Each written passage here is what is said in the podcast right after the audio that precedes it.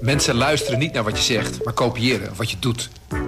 Onze vitaliteitsexpert Martin Hersman helpt je te focussen op wat echt belangrijk is. Beluister en bekijk Martin of een van onze andere experts op businesswise.nl. Businesswise, het nieuwe platform voor iedereen met ambitie. Dit is de podcast Politiek Dichtbij. Met Tobias den Hartog en Thomas Brouwer. Het kabinet trekt ruim 16 miljard euro uit om de koopkrachtcrisis aan te pakken. Maar lang niet iedereen is enthousiast over de plannen. En de vakantie is nog maar net voorbij, maar bij de kabinetspartijen rommelt het achter de schermen. Dat en meer bespreek ik deze week met Tobias den Hartog en Hans van Soest. Ja, Tobias, uh, vakantie is voorbij, de koffers zijn uitgepakt, de backpack is weer terug in de kast. Ja, het lijkt alweer uh, maanden geleden. Hè? Nog tot uh, diepe inzichten gekomen op die berg?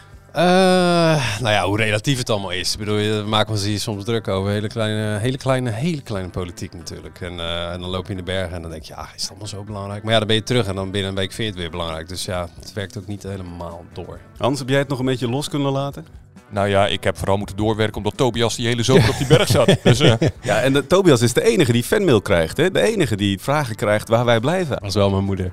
Ah. Ja, dus die is bij deze genoemd. Hans, in de, de laatste podcast die we opnamen voor deze, voor, de, voor deze grote zomerstop, toen was je behoorlijk pessimistisch eigenlijk over de toekomst. Heb jij nou mm -hmm. nog uh, lichtpuntjes gezien de afgelopen week? Ik weet niet meer waar ik precies allemaal uh, pessimistisch over was, maar uh, lichtpuntjes zijn er niet echt te zien. Nog voor de burger, waar, ik bedoel, er komt gewoon een, een, economische crisis aan, er is nu al een koopkrachtcrisis en daar komen we voorlopig ook nog niet uit. Hè. De president van de Nederlandse Bank, Klaas Knot, heeft dat van de week nog eens een keer benadrukt. Jongens, dit gaat nog lang duren, die inflatie. En politiek is er ook weinig lichtpuntjes. Als je tenminste met lichtpuntje bedoelt dat het kabinet uh, nog lang blijft zitten. Want er zijn wel heel veel beren op de weg. Goed, nou de toon is al meteen gezet. Uh, straks spreken we natuurlijk over de plannen van het kabinet om dat koopkrachtverlies uh, te compenseren. Maar er was meer nieuws deze week. We hebben natuurlijk geen, vandaag geen definitieve resultaat. Dit was dan ook een gesprek wat bij tijd en wijle pittig was. Er is in ieder geval vooruitgang geboekt. Het is een positieve verhouding naar ons als agrarische partijen en naar al onze boeren toe. We gaan met elkaar verder, uh, dingen uitwerken, over dingen praten. De bal ligt nu bij Remkes en het kabinet. Ja, de boeren gingen deze week in gesprek met het kabinet onder leiding van bemiddelaar Remkes. En na afloop uh, veel positieve geluiden dus. Ja, ja, ik moet daar altijd heel erg om lachen. Want uh, dat is eigenlijk al de hele zomer zo. Is dat Sjaak van de Tak. Van LTO Nederland. Van LTO Nederland, hè, een van de boerenleiders. Uh, voortdurend doet alsof het kabinet hem tegemoet komt. En daardoor toch maar uh, positief is. En om zomaar. kijk, er moet iets gebeuren. En juridisch zitten we in Nederland aan vast om de stikstofuitstoot fors aan te pakken. Maar die boeren zijn er tegen. En op de een of andere manier moet Van de Tak een draai maken. Nou, dat was al aan het begin van de zomer zo. was heel grappig. Uh, want de boeren valt niet met ons te praten.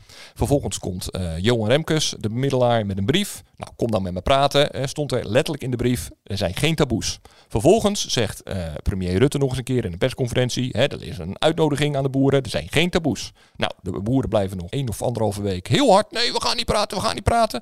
Vervolgens maakt Sjaak van de Tak een draai. En wat zegt hij dan? Ja, ja, hij wil nu wel gaan praten, want uh, hij heeft van uh, uh, in een telefoontje met premier Rutte de toezegging gekregen dat er geen taboe zijn. Ik dacht echt, wat de fuck, dacht ik echt. Dat is echt heel raar, maar vooruit. En van de week gebeurde eigenlijk een beetje hetzelfde. Want ineens is Sjaak van de Tak, ja, voor toch wel voorzichtig positief dat ze eruit gaan komen. Want het kabinet uh, heeft toegezegd dat uh, ze gaan kijken naar andere dingen dan de KDW. De KDW, dat is een meetmethode uh, waarbij nu in natuurgebieden wordt gekeken hoeveel stikstof daar neerslaat. Nou, dat wordt verkocht als een toezegging van het kabinet, maar dat is het helemaal niet. Want dat heeft het kabinet al lang aangekondigd. Dat we op zoek gaan naar andere methodes. Want iedereen van links tot rechts is namelijk ongelukkig met die KDW. Want ja, het, het, het, is, het is het enige middel, wat we maar nu hebben. het is een vuilbaar ja. middel. Ja. Ja, ja. Dus ja, uh, Sjaak van der Tak probeert wel voortdurend te doen alsof hij toezegging krijgt, terwijl hij die niet krijgt. Maar die sorteert al voor op een akkoord natuurlijk straks. Want dat moet hij ook kunnen verantwoorden naar zijn achterban. Tuurlijk, en er komt ook wel een akkoord, ongetwijfeld. En het kabinet gaat echt wel een heel klein beetje toegeven aan de, uh, aan de boeren daar. Mark mijn woord, dat gaat gebeuren. Waar moeten we dan aan denken? Wordt het dan toch die, die 2030? 2030? Ja, ja, dat denk ik wel. Want dat is namelijk het enige juridische punt in de afspraken van het kabinet uh, waar je iets mee kunt. Uh, kijk, de rechter heeft gezegd, die stikstofuitstoot moet uh, gehalveerd. Daar moeten we ons aan houden, dat staat ook in de wet. Alleen in de wet staat nergens 2030. Dus uh, dat is alleen een politieke afspraak tussen de huidige vier uh, regeringspartijen. Dus ik, ik vermoed uh, dat de uitweg dadelijk zal zijn. Hè, het CDA heeft natuurlijk daar een voorschot op genomen afgelopen zomer bij monden van Wolke Hoekstra. Dat de uitkomst zal zijn, jongens, we spannen ons maximaal in om 2030 te halen. Punt zoiets zal het worden. Een soort bezweringsformule waarbij iedereen tevreden is. Ook D66 en de ChristenUnie. Weet je wel, we gaan nu echt uh, haast maken met het aanpakken van de natuurgebieden. Dat moet ook van de rechter. Maar we pinnen ons er niet per se op vast dat dat in 2030 ook echt gehaald moet zijn. Want dat is in de praktijk ook echt heel lastig. En gaat D66 daar dan ook mee akkoord? Ja, ja, ik denk het uiteindelijk wel. Het kabinet gaat niet vallen over een doel wat over acht jaar gehaald moet zijn. Daar geloof ik niks van. Er was natuurlijk vooraf, voor die gesprekken, was er veel te doen over Remkes. De boerenpartijen wilden eigenlijk helemaal niet met hem in gesprek. Zijn uiteindelijk toch gegaan en aflopen. Heel tevreden eigenlijk over Remkes. Ja, het is ook wel grappig. Er zijn een paar van die figuren in de, in de, in de Haagse politiek. En Johan Remkes is daar een van. Uh, Herman Tjenk Willink is daar een van. Die worden dan gehaald bij, hem bij een probleem wat helemaal vastzit. En er moet, uit, er moet een uitweg gevonden worden. Dat was bij de formatie zo. Nu is het bij dit dossier zo. Ja, en die, die mannen, want het zijn toch wel vaak mannen. Uh, hoewel Mariette Hamer is er eigenlijk ook wel uh, goeie, goed voorbeeld van. Die personen die komen dan naar buiten en die hebben zo'n wollige tekst en, en, en, en zo'n, ja, zeg maar een, een soort persconferentie die zo multi-interpretabel is, dat je, ja, iedereen kan er wel mee uit de voeten. Maar het leuke is, Remkes doet dat dan wel met zo'n aplom, dat je denkt van, oh, oh, Oh, ja. Maar hij zegt helemaal niks. Hij zegt niks dus, nieuws. Hij zegt inhoudelijk niet heel veel. Ja, niet, niet, het is geen verschuiving of zo. Maar het is allemaal net, net vaag genoeg. Zodat iedereen denkt, nou, nee, daar kunnen we in ieder geval wel. Nou ja, daar kan ik mee leven. En misschien kunnen we wel mee uit de voet om verder te onderhandelen. Het is heel, ja, het is uh, heel knap ergens heel wel. knap. Ja. Uiteindelijk, laten we eerlijk weten, een jaar geleden uh, is het hem ook gelukt om uh, de huidige vier regeringspartijen toch te laten onderhandelen met elkaar. Met een beetje chagrijn, hè, dat hij op een gegeven moment zegt... Nou, hadden gezegd, nee, doe ik niet, doe ik niet. Nou ja, zijn eerste persconferentie destijds hè, bij die formatie. Iedereen, hè, niemand wilde meer met elkaar, niemand vertrouwde Rutte meer. Dat duurde zo'n hele tijd. En toen kwam Remkes en toen zei hij bij zijn allereerste persconferentie: Ik ben er klaar met het gelul. Iedereen moet nou maar gewoon een keertje volwassen doen. En, en, en dan zeg dan maar met wie je echt niet wil. Weet je wel? Dus als hij dat binnen ook heeft gezegd, ja, dan werkt dat blijkbaar wel. Een beetje dat Norse, dat Norse gedoe. En, en daarna dus wat vage teksten. Ja, dit, blijkbaar uh, werkt het. Ja, hij heeft nu een paar weken om tot conclusies te komen. Dan moet hij dat rapport uh, presenteren. Ja, dat is nog niet helemaal duidelijk of het rapport wordt. Maar hij komt er iets. Hij komt met iets. Maar daarbij komt er misschien nog wel een spaak in de, in de wielen. Namelijk dat VN-rapport wat vandaag opeens opdook. Heel even luisteren naar uh, minister Van der Wal. Ja, ik heb begrepen dat er uh, internationaal wetenschappelijk onderzoek uh, is gedaan. Dat gebeurt één keer per tien jaar. Ehm, wetenschappelijk onderzoek die echt kijken naar die kritische depositiewaarden. Ik heb ook begrepen dat dat Europees vertaald is. Dat daar nu een conceptrapport ligt. Um, en nu is het zaak om natuurlijk eerst dat de Nederlandse wetenschappers gaan kijken. Wat betekent dat nou voor Nederland? Eigenlijk per natuurgebied. Uh, dat weet ik nog niet. Ja, Hans, hoe luister jij hiernaar? Dat dit uh, rapport, daar stel, valt niet meteen iedereen stel van achterover uh, in Den Haag. Integendeel, het is nog maar een conceptrapport. En het heeft nog geen politieke waarde in die zin. de wet is er ook, moet er ook niet meteen door worden aangepast.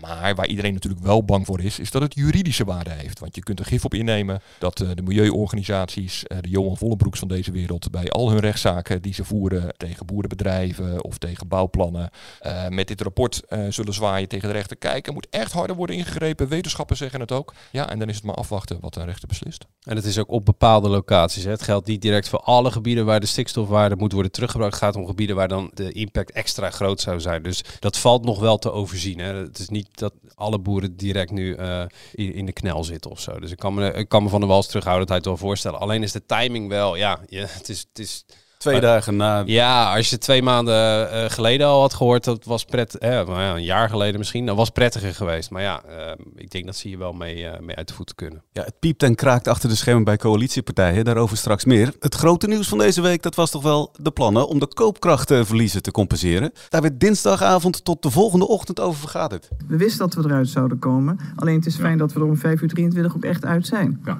Zoals we zeiden, grote uitdagingen mooi afgewogen pakket, denken we. Morgenavond ministerraad. Klopt. Ja. Niets aan toe te voegen. Maar ligt er inderdaad een stevig begrotingspakket, een stevig koopkrachtpakket... Eh, dat de mensen echt kan helpen om eh, weer de rekeningen te kunnen betalen? En dat is ook het enige wat we erover gaan zeggen. Ja. ja. Antwoord op die vraag is ja, maar verder kunnen we niks zeggen. Ja, daar kunnen ze niets over zeggen, want die plannen worden natuurlijk pas gepresenteerd op Prinsjesdag. Hans, heb je deze week daar uh, boos over gemaakt? Ja, ik vind dat niet uit te leggen. Als ik heel eerlijk ben. Uh, ik snap dat, weet je, we hebben een ceremoniële traditie uh, in, in Nederland. Dat we op Prinsjesdag de koning de begrotingsplannen van het kabinet voor het volgend jaar laten presenteren. Maar er staat nergens in de wet dat dat per se uh, nieuw nieuws moet zijn, hè, die plannen. Uh, er staat nergens in de wet dat je die niet al van voor Prinsjesdag uh, bekend mag maken. En heel Nederland zit te wachten op wat staat mij te wachten. burgers, maar ook ondernemers. Van ondernemers wordt notabene gevraagd door het kabinet, geef je personeel meer loonsverhoging. Maar ja, die ondernemers die hebben geen idee of die daar dadelijk wel de ruimte voor hebben. Maak die plannen gewoon bekend. Dan weten mensen zo snel mogelijk waar ze aan toe zijn. Want daar heeft iedereen nu echt heel veel behoefte aan. Ja, wat ik ook opvallend vind, Rutte komt naar buiten. Die zegt, ja, ik zeg er eigenlijk alleen dit over. En uh, nou, een paar uur later, Tobias, dan heb jij het hele verhaal in de krant staan. Ja, Haagse bronnen is dat dan? Haagse bronnen. ja. wie, zijn die mensen eigenlijk? Nou ja, de, kijk, je, je, wij moeten natuurlijk altijd een beetje geheimzinnig doen over onze bronnen. Hè, want die hebben bronbescherming en dat is heel belangrijk. Maar kijk, het zijn, er zijn mensen die lezen mee bij die onderhandelingen. Het zijn niet direct de onderhandelaars aan tafel, maar er zijn uh, Kamerleden, medewerkers, uh, ambtenaren, uh, ambtenaren die, die, lezen mee. Die hebben al een uur nadat dat het akkoord bereikt is, die hebben het op hun bureau liggen om, ja, om de kennis van te nemen. Want dus, die dingen moeten ook besproken worden in de fracties. Iedereen moet natuurlijk ja, uiteindelijk zijn krabbeltje eronder zetten. Dus dat, dat groepje van mensen die meeleest, nou, dat, is, dat zijn enkele tientallen. Uh, en een paar daarvan die wilden er best over praten. En waarom ook? Precies die reden die Hans zegt. Ja, je kan nu wel uh, nog twee weken lang een sitting duck zijn voor de oppositie die gaat zeggen van het is te weinig en het is te smal. Of je rijdt naar buiten dat er een pakket komt van nou, ongeveer 16 miljard. Waarin je zegt, oké, voor dit jaar is het dus niet, niet, niets meer mogelijk. Hè, of bijna niets meer mogelijk. Dat is een bittere pil. Maar tegelijk, er gloort wel hoop aan de horizon. Ja, ik snap die, uh, die mensen rond die onderhandelaars wel. Van waarom je daar nog twee weken op uh, bovenop blijven zitten? Dan kan je maar beter dus strategisch dan wel lekken. En, en we kregen een vrij ja, groot overzicht over wat, er, uh, wat erin zit, denk ik. Ik denk dat er niet superveel verrassingen meer met Prinsdag zullen zijn. Het was vrij eerlijk ook waar de pijn uh, gaat landen, hè, waar het van betaald wordt allemaal. Ja, want als we het dan hebben over die plannen, hè, waar komen die nu op neer? Nou, nivelleren. Ja, ja uiteindelijk wel. Maar het, voor, voor, jou als burger betekent het dat je uh, energieprijs gedrukt wordt. Dat je bij de pomp, dat de accijnzen voorlopig nog laag blijven. dat de belasting die je betaalt via je, je arbeidscontract hè, dus je werkt, dat die uh, gedrukt wordt, dat dat lager is. Dat zijn een beetje de, de, de, de minimumloon gaat omhoog hè, uh, met 10%. Dus de, de, de zijn, als je door de oogharen kijkt, is het werken moet, uh, moet lonen. Dat is eigenlijk een beetje de, de strategie van het kabinet volgend jaar. En daarnaast dus het drukken van die energierekening. En precies wat Hans zegt, nivelleren. Hè, dus dat de, de rijken en de armen wat, wat meer naar elkaar toe komen in inkomen. Ja, want die 16 miljard die wordt natuurlijk ergens van betaald. Die wordt ergens van betaald. Dat en dat geld wordt weggehaald bij bedrijven en sparers. Ja, je zou kunnen zeggen eigenlijk de achterban van de VVD. Het, het, het zit bij mensen met vermogen in box 3, dus een tweede huis aandelen.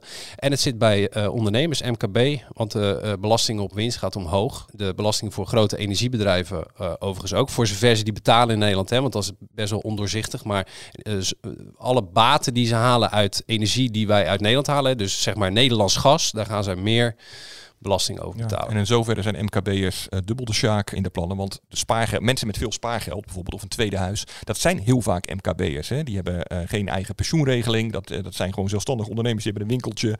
En ja, die, die, die sparen voor later. Ja, en dat staat of op de bank, of ze kopen er een, een, een appartementje van, wat ze dan tijdelijk verhuren, zodat ze later een appeltje voor de dorst hebben. Ja, daar moeten ze nu op extra belasting over gaan betalen. En het valt nog mee eigenlijk. De oproer binnen de VVD is niet, hè, er is geen complete paniek uitsluit. Dus blijkbaar is bij, bij de VVD men ook wel een klein beetje aan gewend dat Rutte af en toe die links, uh, ja, linkse koers uh, vaart. Hè. Destijds, uh, nou jij zegt nivelleren is een feestje.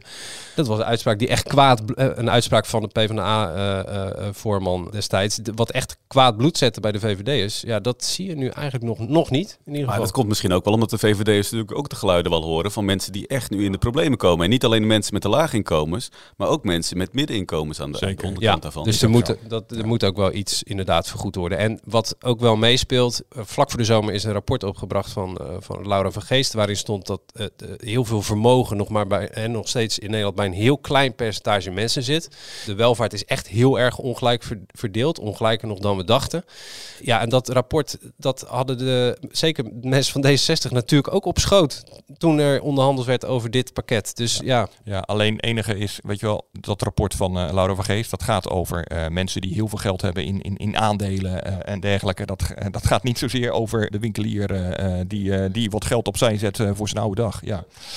Uh, die moeten echt wel fors meer gaan betalen straks. En de mensen naar wie dat geld gaat, die zijn ook niet meteen gered. Want die plannen gaan eigenlijk pas in in 2023. Ja. Dat ja. duurt nog wel even. Ja, die computers van de Belastingdienst, daar komt echt het rook nu al uit. Met wat ze nu moeten verstouwen. Dat is blijkbaar niet te doen. Er zijn ook simpelweg echt te weinig ambtenaren, uh, zei Marnix Vrij, staatssecretaris van Financiën, om het überhaupt te regelen. Stel de overheid wil jij nu een zak geld geven. Ja, uh, geef maar mee aan PostNL. Want dan, dan is het sneller dan via de begroting. Het is gewoon niet bij de mensen te brengen. Wat best wel een beschamende constatering is natuurlijk. Maar ja, ze hopen dat de, dat, dat de komende jaren dat, dat die nood wel geledigd wordt. Dat die, die systemen worden aangepakt en dat er vanaf 2025, hè, is nog even weg, maar dat er dan gewoon een beter belastingstelsel ligt, waardoor uh, de overheid veel makkelijker echt specifieke inkomensgroepen kan bedienen. En dat kan nu gewoon ja, blijkbaar niet. Nee, het is natuurlijk ook echt heel moeilijk. Kijk, de overheid heeft natuurlijk niet een lijstje ergens in een computer staat van welke Nederlander uh, komt er nu in november in de problemen omdat zijn energierekening, zijn energiecontract is afgelopen en ineens heel veel meer geld moet betalen. Dat, dat overzicht is er niet. Overigens is mijn vermoeden dat we met Prinsjesdag zullen zien, of anders in de uh, debatten die daarop volgen tijdens de algemene politieke beschouwingen, dat het kabinet toch nog wel een kleine handreiking zal doen op alle kritiek dat er niks meer kan in 2022. Ik denk dat er nog wel iets meer geld naar de gemeentes zal gaan, die dan via de bijzondere bijstand de mensen die echt uh, in de allergrootste problemen zitten. Kijk, gemeenten zijn namelijk wel in staat om, om, om, om schrijnende gevallen die aankloppen bij een kabinet iets extra's te geven. Nou ja, dat is dan de enige manier die uh, het kabinet nog uh, rest. Ja, de coalitiepartijen hebben daar dus die, die avond echt tot, ja, nou eigenlijk gewoon tot, 14 de volgende, uur, tot ja. de volgende ochtend vergaderd. Dat Ja. zijn dus best wel pittige onderhandelingen geweest. Zeker. Eh, ik was er bij de eerste avond van drie avonden dat er onderhandeld werd. En eh, nou ja, dan hoor je, hoor je af en toe, dan zitten ze in, ze zitten in een grote zaal eh, op financiën. Dan af en toe dan is er een, een subonderwerp. Dan, dan breken ze op in kleine, eh, eh, kleine groepjes in verschillende zaaltjes. En dan zijn er pauzemomenten en dan gaan ze met z'n allen op de gang. En dan is er eh, de, de kamerbeheerder, heet dat dan. Dat is zeg maar de, ja, de, de assistent van, van Kaag in dit geval. Want het is op het ministerie van Financiën. Die zorgt dan voor een, eh, een drankje, een hapje. En dan staan. En, en wij, hoorden, je kan niet horen wat ze zeggen, maar wij hoorden voortdurend heel hard gelach. Dus dan, dat was, dat was net na, het was eigenlijk de eerste keer dat Hoekstra en Kaag weer samen ergens gezien werden. Hè? Dus wij dachten van, nou, zou het wel gezellig worden? Maar ja, het was, het was grappen en grollen. En we hoorden ook van die, van die mensen van Financiën die dan die klaar waren en naar beneden en naar huis gingen. Die hoorden van, ja, eh, nou ja er, worden, er worden leuke anekdotes verteld en er worden moppen getapt. En eh, het lijkt allemaal gezellig. Dus ja, dan zetten ze professioneel denk ik gewoon de knop om. Er moet nu gepraat worden over iets anders. Eh, laat het uit maar even. Neem niet weg dat dat oud zeer niet weg is. Nee, het gaat Want niet weg. wat er afgelopen zomer is gebeurd in het stikstofdossier, eh dat heeft echt wel een diepe wond geslagen in, de, in het vertrouwen tussen de vier eh, regeringspartijen. Ehm, D66, VVD en ChristenUnie voelen zich echt genaaid door CDA-leider Wopke Hoekstra, die zonder dat van tevoren aan te kondigen afspraken over de stikstofaanpak uit het regeerakkoord ter discussie stelde. Eh, in het Algemeen Dagblad. Erger nog, hij zei van tevoren, ik kom morgen met een interview. En toen zeiden de anderen, eh, maar wat ga je dan zeggen? Ja, dat lezen jullie morgenochtend wel. Ja, dat was... Ja, dat is niet heel prettig. natuurlijk vertrouwen is weg, zei Het vertrouwen is weg, heeft eh, Kaag de dag daarna tegen hem in de ministerraad gezegd. Ja, ja het, dat is zo. Het, het- de, de- we hadden het in het begin van dit, deze podcast heel even over. ben je optimistisch over wat er komen gaat? Ja, eh, de samenwerking staat in elk geval goed onder druk. En dat geldt over stikstof, waarvan ik overigens bij stikstof nog wel denk, daar gaan ze nog wel uitkomen, eh, politiek. Maar eh, hetzelfde geldt natuurlijk voor asiel. Asiel, dat ligt zo gevoelig. Eh, daar hebben ze echt maanden, maanden, maanden ruzie over gemaakt. Want eh, VVD en CDA wilden echt veel verder gaan dan wat er nu uiteindelijk is besloten. Uiteindelijk onder druk, omdat er iets moest komen, is er een deal gesloten. eh, die alle vier de partijen een beetje pijn doet. En de achterbannen van alle vier de regeringspartijen zijn er boos over. Ik moet nog maar zien of deze deal stand houdt. En als die deal door een van de vier achterbannen wordt afgewezen, dan hebben we zomaar misschien weer een, een kabinetscrisis. Ja, een kabinetscrisis, dat zou zomaar kunnen inderdaad. Want het rommelt echt binnen de achterbannen van bepaalde partijen. Jij was deze week bij het partijcongres van, van de VVD. Ja, VVD, ja. ja. Laten we heel even luisteren. Wij als VVD ook een partij die staat voor de rechtsstaat. En dat is in de huidige politiek, in de huidige... In de huidige dus Ik zou... in de huidige Zullen we even, mijn- Ruben zijn verhaal om mijn zin af te afmaken? maken. ik denk dat wij het er allemaal over eens zijn, maar ik zeg het toch, omdat er ook inmiddels partijen in de Kamer zitten die rechtsstaat, dat interesseert ze allemaal niks eh, en, en, en steunen oorlogsmisdadigers. Laat me even uitpraten, want dit heeft, zo, dit heeft, dit heeft, dit heeft geen zin. Rubel Brekelmans, dat is de woordvoerder asiel van de VVD, die staat er voor een zaal met VVD'ers. Ja, thuiswedstrijd, denk je? Klinkt niet zo gezellig. Nee, ja. En ik, ik volg de VVD nou een tijdje. Eh, het, vorige congres ging over stikstof, was ook al geen gezellig bende. Ik weet, ik weet, het- het is echt een hele ongewone situatie. Kijk, VVD-congressen, VVD-bijeenkomsten. Je gaat er naartoe, maar je weet, het is, eh, nou ja, ik wil niet zeggen dat heel de VVD een applausmachine is, maar ik heb het bij deze gezegd. En je wacht op de speech van eh, de partijleider, van Rutte, en da- dan, ja, dan drink je nog een borrel en je eet nog een bitterbal en dat is het zo'n beetje. Maar nu is het gewoon oorlog. Het eerste ging het over stikstof, omdat toch een deel van de achterban eh, vindt dat de maatregelen te ver gaan. En nu over asiel. Ja, het was weer niet gezellig, hoeft ook helemaal niet gezellig te zijn, het mag schuren. Maar het is ongewoon voor de VVD en kritiek is niet mals. Het Want is, wat is precies die kritiek nou, dan? de kritiek is enerzijds. Brekelmans heeft ook een lastige positie. Die heeft gezegd: we gaan geen gemeente meer dwingen. Het kabinet gaat geen gemeente meer dwingen, eh, zoals in Tubbergen, om asielzoekers op te vangen. Eh, als het kabinet dat doet, gaan wij onze steun intrekken. Hè, wij als VVD-fractie. Maar als je naar de afspraken kijkt in deze asieldeal, dan kunnen provincies nog, die hebben nog steeds een taakstelling, heet het dan. Nou, dat is gewoon dwang. Die kunnen nog steeds eh, eh, gedwongen worden en dus vervolgens in het verlengde daarvan ook gemeenten eh, het mes op de strot zetten om asielzoekers op te vangen. Ja, dat, dat is niet de directe dwang waar Brekelmans eerder van zijn. Maar het lijkt er wel heel erg veel op. Dus de VVD'ers zijn daar ontevreden over. Nog los van het feit dat gezinsherenigingen nu weliswaar voor een half jaar niet doorgaan. Maar die mensen komen vroeg of laat gewoon nog steeds in Nederland. Dat is ook wat eh, staatssecretaris Erik van den Burg, ook van de VVD, ook die avond aanwezig, ja, ook gewoon moest erkennen van ja, het is een vertraging van het proces. Dus kijk, rechtse VVD'ers vinden gewoon, we hebben te weinig gekregen in deze asieldeal. Ons is beloofd dat er gekeken zou worden naar een totale asielstop. Hè. Dat stond zelfs, we zouden dat onderzoeken, dat stond in het verkiezingsprogramma. Ja, en nu komt er een asieldeal die ja, misschien niet helemaal de wens en de smaak van de ChristenUnie en D66 is, omdat het toch nog wel wat rechtse randjes heeft. Maar het is verre van wat de VVD'ers wilden. En dat is, ja, dat, dat doet zeer. Aan de andere kant zie je dan juist weer bij de ChristenUnie. eh, kijk, asiel ligt, als er één onderwerp is wat echt, echt heel gevoelig ligt eh, bij de achterbannen, is het asiel en immigratie.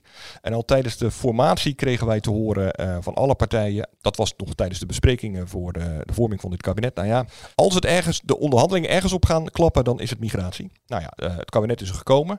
Maar nog steeds is die gevoeligheid niet weg. Want je ziet bij de ChristenUnie bijvoorbeeld, maar ook bij een deel van het CDA, ja, daar beginnen nu de, de leden te muiten. Want die vinden het juist allemaal weer veel te streng en inhumaan. En hier kunnen we toch onze handtekening niet onder zetten. Dit stak door een ondergrens. Verschrikkelijk dat we die eh, ehm, eh, gezinshereniging eh, tijdelijk eh, in de koelkast zetten. Kan echt niet. Eh, er komt een extra bijeenkomst eh, met leden eh, bij de ChristenUnie. Het is, wordt waarschijnlijk geen partijcongres, eh, waardoor ze eh, de leden niet de mogelijkheid krijgen om, om echt een motie in te dienen. Maar ja, ik, als de, daar de pleuris uitbreekt, dan heeft de ChristenUnie een probleem en daarmee dus het hele kabinet. ChristenUnie ging toch sowieso al eh, niet heel enthousiast het hele kabinet in. Segers bijvoorbeeld, die, die had van tevoren al gezegd, ik Ja. wil niet met Rutte Ja, eh, meer... Corvée, eh, ja, Ja. noemde die het. Ja. het is wel, kijk, de ChristenUnie heeft wel een stabiele achterban. Hè. Ik bedoel, die zijn niet zo ontzettend afhankelijk van fluctuaties. Maar op dat asieldossier, dat is nou, nou wel juist iets waar, waar de ChristenUnie altijd wat gevoelig ligt. En waar ze ook graag goede sier mee maken met de resultaten die ze hebben behaald. En in deze deal zit bijvoorbeeld ook dat we het komende, eh, de komende, komende jaar geen eh, vluchtelingen via een eh, UNHCR-programma hier verwelkomen. En dat is eigenlijk een onderdeel van die Turkije-deal. Nou, die Turkije-deal wordt al aan alle kanten geschonden. Maar dit was wel altijd het punt waarvan de ChristenUnie zei... moet je eens kijken, we halen wel mensen op die echt erkende vluchtelingen hebben we het dan over. Hè? Die halen we wel op en die geven we hier een plek. En dat is eh, onder druk van de VVD is dat geschrapt nu voor een jaar. En het, het staartje van dit jaar. Ja, dat soort dingetjes dat doet bij de ChristenUnie toch ook wel pijn. Ja, en dus ook bij de VVD, want er is een Kamerlid deze week opgestapt. Ja, nou ja, dat is wel Daan de Neef, hè, die, is, eh, die is weg. Ja, eh, kijk, wij, wij zitten ook allemaal in een appgroepje hè, en wij beginnen dan ook te appen van, goh, eh, opvallend en wat vind je ervan en hoe zie je dat? En kijk, eh, de Neef was eh, de, de tekstschrijver van Wilders toen hij nog bij de VVD zat, later tekstschrijver van, eh, van Rutte. Eh, was eh, Kamerlid, heeft gewoon zijn handtekening gezet onder het huidige eh, verkiezingsprogramma van de VVD. Hè, waar ze nog kort geleden dus mee de boer op gingen. Waarin ook stond dat er onderzoek zou worden gedaan naar een totale asielstop. Opzeggen van het VN-vluchtelingenverdrag. Ja. Zelfs heel vergaande maatregelen. Heel vergaande maatregelen op asiel. En nu zegt hij, het gaat me te ver. Dat is zijn goed recht, hè. Je mag op ieder moment zeggen van, nou, ik ben veranderd. Ik pas niet meer bij de partij. Maar hij zei het precies andersom. Hij zei, de partij is veranderd en dat past niet meer bij mij. Ja, dat is... Ongeloofwaardig op Dat is wel, ja, dat is moeilijk te verteren als je ziet naar zijn track record. Dat, dat vind ik wel opvallend. Dus wat zou er dan spelen? Nee, ik denk echt dat hij dat vindt. Ik denk alleen dat hij eh, zelf veranderd is. Ja, nee, Ja, ik denk dat, hij gewoon... het. En dat mag, hè? Overigens, je mag natuurlijk van, van, van, van inzichten veranderen. Eh, maar wat ik persoonlijk... Ja, god, ik hoef de VVD niet te verdedigen verder. Dat, eh, dat eh, moeten ze maar lekker zelf doen. Maar ik kan me wel voorstellen dat ze bij de VVD zeggen... Oké jongens, prima dat je er anders over denkt. eh, en dat je niet meer bij ons wil horen. Maar doe niet net alsof wij zijn veranderd. Want dat is namelijk niet zo. Want deze asieldeal is echt een heel slap aftreksel... van wat er in het VVD-verkiezingsprogramma staat. Grappige is, hij, hij was al een klein beetje een linkse VVD aan worden. Want hij was bijvoorbeeld op dierenwelzijn. Alles wat in het verkiezingsprogramma over dierenwelzijn staat, dat heeft hij geagendeerd. Want de VVD'ers die gaven daar echt nooit om. Hè. Die keken, dat was de laatste paragraaf waarvan ze zeiden, oh ja, daar moeten we ook nog iets mee. Nou, dat, dat heeft hij geantemeerd. Hij heeft toen Klaas Dijkhoff gebeld en gezegd, joh, we moeten een volwassen paragraaf over dierenwelzijn in ons verkiezingsprogramma opnemen. Dat kwam ook volgens mij omdat hij een vriendin heeft Hè, Daan de Neef een vriendin heeft die bij de Partij voor de Dieren zat. Dus dat zal ongetwijfeld... Hè, Zit nog zelfs. Is een zit, raadslid. ja, precies. Dus daar zal ongetwijfeld mee door aangestoken zijn. Maar ja, hij, hij is, die- idealen heeft hij er wel inge, ingebracht. En ik denk dat op asiel hij dus ook gewoon ja, anders is gaan denken. Nou, het maakt in ieder geval duidelijk dat het bij de coalitiepartijen rommelt achter de schermen. Eh, gaat dit nou nog gevolgen hebben straks voor het kabinetsbeleid? De oplopende spanningen ja, maakten het allemaal niet makkelijker op. Hè. En ehm, er is weinig vertrouwen tussen de ministers. Eh, binnen de partijen eh, is er, staan de fracties heel erg onder druk van hun achterbannen om zich vooral meer te profileren.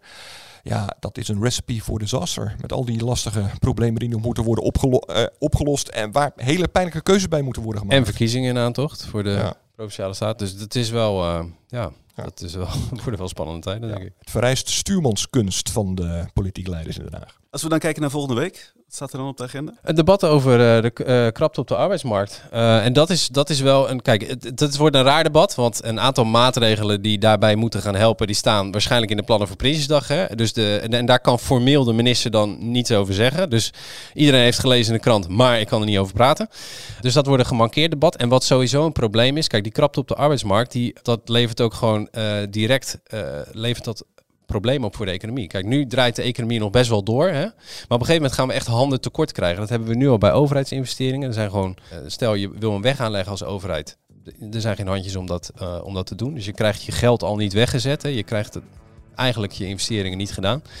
Eh, nog los van wat het doet met de krimp van de economie op een gegeven moment. Dus dit, dit, wordt wel een, een thema wat, wat het kabinet nog wel langer gaat achtervolgen. Ja, persoonlijk kijk ik meer uit naar het verhoor van Henk Kamp bij de parlementaire enquêtecommissie eh, naar de gaswinning in Groningen. Waarom vind je dat spannend, Henk Kamp? Omdat Henk Kamp eh, de minister is geweest die eh, uiteindelijk eh, toestemming heeft gegeven om meer gas op te pompen. Nadat al duidelijk was eh, dat dat gevaar opleverde. En daar heeft hij wel iets over uit te leggen. Genoeg om over te praten volgende week. Dit was eh, de eerste aflevering van dit seizoen. Vind je dit nou een leuke podcast? Abonneer je dan vooral. Dat kan via Spotify of Apple Podcast. En volgende week, dan zijn we er dus weer. Tot dan!